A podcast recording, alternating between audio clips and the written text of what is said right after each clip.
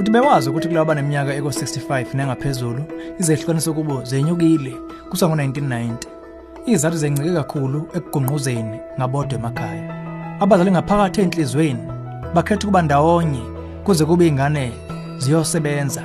Emva kwalokho bese beqala babone ukuthi umshado wabo usengxakini bagcine bephuma kuwo sithanda ukuba silethe umqondo ukuthi abazali bangayilungisela kanjani iy'khathi zekhaya eligungquzayo khona la ohlelweni ezizomndeni. Hlala nathi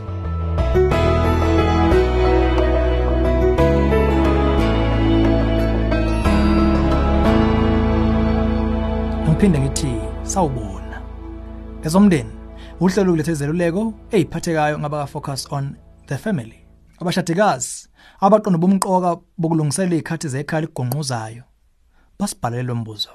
Yikuphi esidinga ukwenza ukulungiselela ukuhamba kwengane yethu engumagcina ekupheni kwalonyaka uyasishiya useyoqala izifundo zakhe eziphakeme bese thina sale sodwa la ekhaya.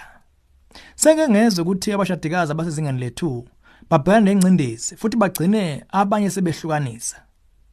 Singazilungisela kanjani lolu guquko futhi sigweme nezikhisi engaphonseka kuzo na?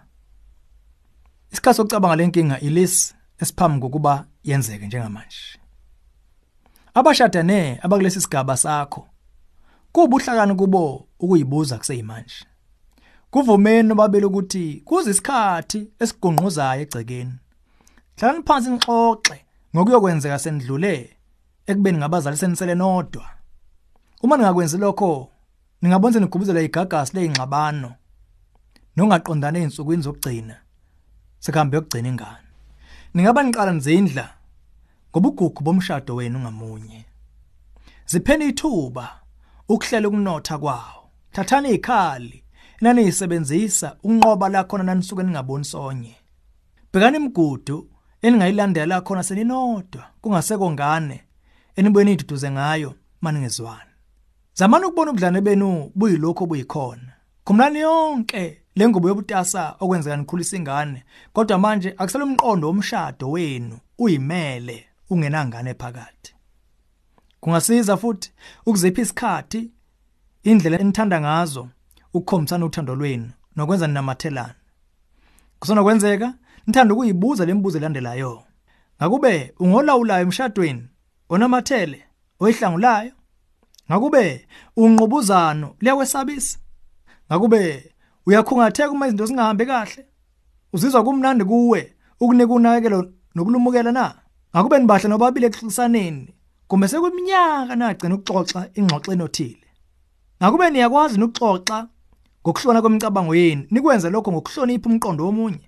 Impendulo kule mbuzo ziyocaba indlela yokuthi kuzoba njani la ekhaya uma senisele nodwa sehambile ingane funa nibe nolwazi ngezinto ezixhukuluza omunye nobiyena siqo uma umuntu ohlala njalo ephambili yokuthola kunzima ukuyinikela uthobela ukuthandwa ngomunye.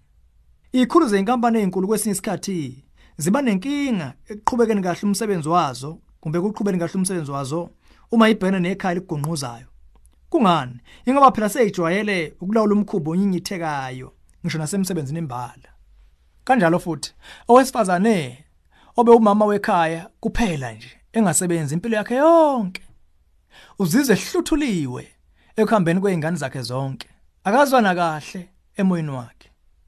Kwinhla zombili kudinga ukucubunukeke igeli yaphambili. Nabuke ubuda nobufisha bodaba. Uguquko kungaba noma olwahlobo luni luhlale luyirisk empilweni. Kodwa sinesibini sokuthi umshado wakho uzoma futhi uhlabele phambili emva kokuba ingane seyihambile ekhaya. Uma wena nowakwakho niyimisela ukwenza kwenzeke. Lokho kuchaza ukuthi kwezinye izinto. Hlakulelani amaxhama okuxhumana ngobuchule. Kubandakanya ukufunda ukwazi ukulalela nokuphuwa kwakhe ithuba lokukhuluma. Kubiza ukuba nishukumbise umshado wenu njalo njalo impokophelo kukho konke lokhu ukuthola ukuthi yini le eyakuhlaba umxhwele othandweni lo wakwakhe eqaleni niqala ukubonana. Bese nikhwezela lo thando.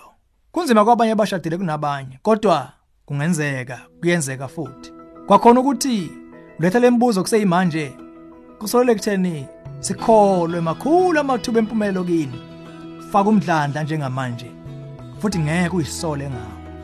Lolu hlelo ezomndeni ulethulelwe yi-focus on the family sihlangabezwa hlelo luzayo sesihlabelisa phambili umndeni wakho.